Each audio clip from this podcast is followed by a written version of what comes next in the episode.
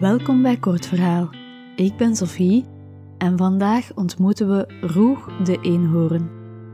Heb je zin in meer? Volg ons dan op Spotify en op Instagram. Misschien word jij wel de winnaar van een van onze giveaways. In het grote toverbos woonde een eenhoorn. De naam van de eenhoorn was Roeg. Dat was een leuke naam, alleen vond de eenhoorn hem maar niks. Gus, dat was pas een stoere naam. Felix. Of Ron, dat stond hem veel beter. Wat de eenhoorn niet wist, was dat de andere dieren in het bos hem stiekem Roeg Eenhoorn nooit goed genoeg noemden. Dat was helemaal niet lief en zou de eenhoorn heel verdrietig maken wanneer hij dat wist. Toch was het een feit dat het voor de eenhoorn zelden goed genoeg was. Hij had op bijna alles iets aan te merken. Allee. Ofwel scheen de zon te fel, Aan mijn ogen. waren de cadeautjes voor zijn verjaardag te stom, Oh nee. of het stuk taart dat hij at te klein. Ik wil ook een groot stuk. Ook en vooral voor zichzelf was Roeg onverbiddelijk streng. Zijn eigen tekeningen vond hij lelijk en zijn huiswerk scheurde hij stuk omdat hij te bang was om fouten te maken. Roeg huppelde op een dag door het toverbos. La la la la la. De zon scheen aan de hemel en de vogels zongen in de bomen. Dat hoorde of zag de eenhoorn niet. Niks, niks en alles niks. Hij was te druk met nadenken over de tekening die hij net had gemaakt en aan Bas de das wilde tonen. Eenmaal aangekomen bij het hol van Bas, liet de eenhoorn trots zijn tekening zien. De tekening was nog maar net tevoorschijn gehaald of de eenhoorn begon te zuchten. Goh, bij dit licht vallen de kleuren me tegen. Kijk, en deze boom is helemaal mislukt. Dat had veel beter gekund. De das vond de boom mooi, maar voor Bas iets kon zeggen, frommelde de eenhoorn de tekening tot een prop en liet die op de grond vallen. Zeg, Roeg, zullen we morgen een nieuwe tekening maken? stelde Bas voor. Dat vond Roeg een goed idee. Ja. Dus de volgende dag gingen Bas en Roeg aan het tekenen. Bas tekende een sterrenhemel en Roeg begon vol goede moed aan een regenboog. Na een tijdje vroeg Roeg: Wat vind je van mijn tekening? Ach, je vindt het niets. Dat zie ik zo.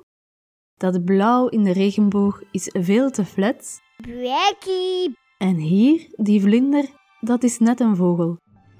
Bas had nog steeds niets gezegd en zei: Ik vind hem eigenlijk best goed hoor. Mooi. Nog voor Bas zijn zin had afgemaakt, had Roeg de tekening al tot een prop verfrommeld en in een hoek van de kamer gegooid. Ik maak een nieuwe, zei Roeg dapper. Dus gingen ze verder met tekenen. De volgende tekening vond Roeg weer niet mooi genoeg. Ekkels. En de volgende ook niet, en die daarna ook niet. De proppen stapelden zich op en vormden een immense stapel. Onverstoord tekende Bas rustig door. Toen zijn tekening af was, toonde Bas deze trots aan de eenhoorn. Prachtig toch? Vind je niet, Roog? Wauw. Roog knikte. De tekening was inderdaad prachtig. Roog wou dat hij kon tekenen zoals Bas. Dan kon hij ook blij zijn met zijn tekeningen.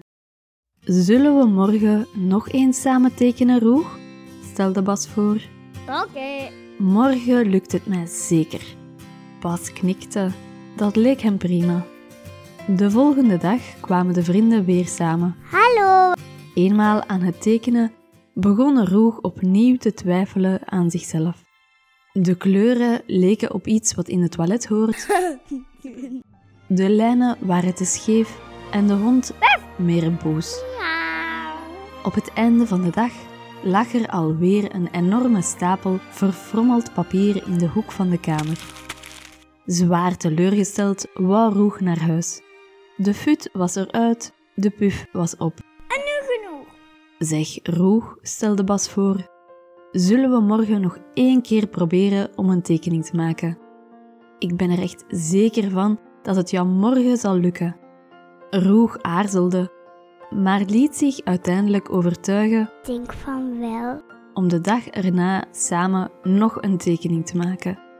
Toen Roeg de volgende dag aankwam bij het huis van Bas, viel hij bijna achterover van verbazing. Wat? Het huis van Bas was versierd met de mooiste tekeningen die hij ooit had gezien. Wauw, wie? Nu, dat was niet zo verwonderlijk. De tekeningen van Bas waren immers prachtig. Hij had genoeg leuke tekeningen om zijn huis mee te versieren. Roeg kwam dichterbij. Het was pas toen hij met zijn neus voor de tekeningen stond dat hij besefte dat de tekeningen helemaal niet van Bas waren. Ze waren van hem, van Roeg. Verbaasd keek hij om zich heen. Het hele huis van Bas hing vol met tekeningen van Roog. Bas kwam dichterbij en zei: Zie je nu zelf hoe bijzonder je tekeningen zijn? Ze zijn helemaal niet lelijk. Het was toen dat Roeg besefte hoe mooi zijn onafgewerkte tekeningen waren en hoeveel mooier ze konden zijn als hij zichzelf niet met Bas had vergeleken en op zijn tempo en op zijn manier de tekeningen had afgewerkt. Vanaf die dag besloot Roeg dat hij maar eens ging stoppen met aan zichzelf te twijfelen. Goed zo. Hij zou zichzelf niet langer met anderen vergelijken en het kleine stemmetje in zijn hoofd dat lelijke dingen riep negeren. Bla bla bla bla bla bla bla bla. Wanneer hij een prop dreigde te maken, een huistaak wou verscheuren of zijn naam niet leuk vond, dan dacht hij terug aan dat huis vol schitterende tekeningen Joepie. En aan zijn prachtige nieuwe bijnaam, Roeg Goed Genoeg. Sanne, dank u wel voor de luister. Tot morgen iedereen.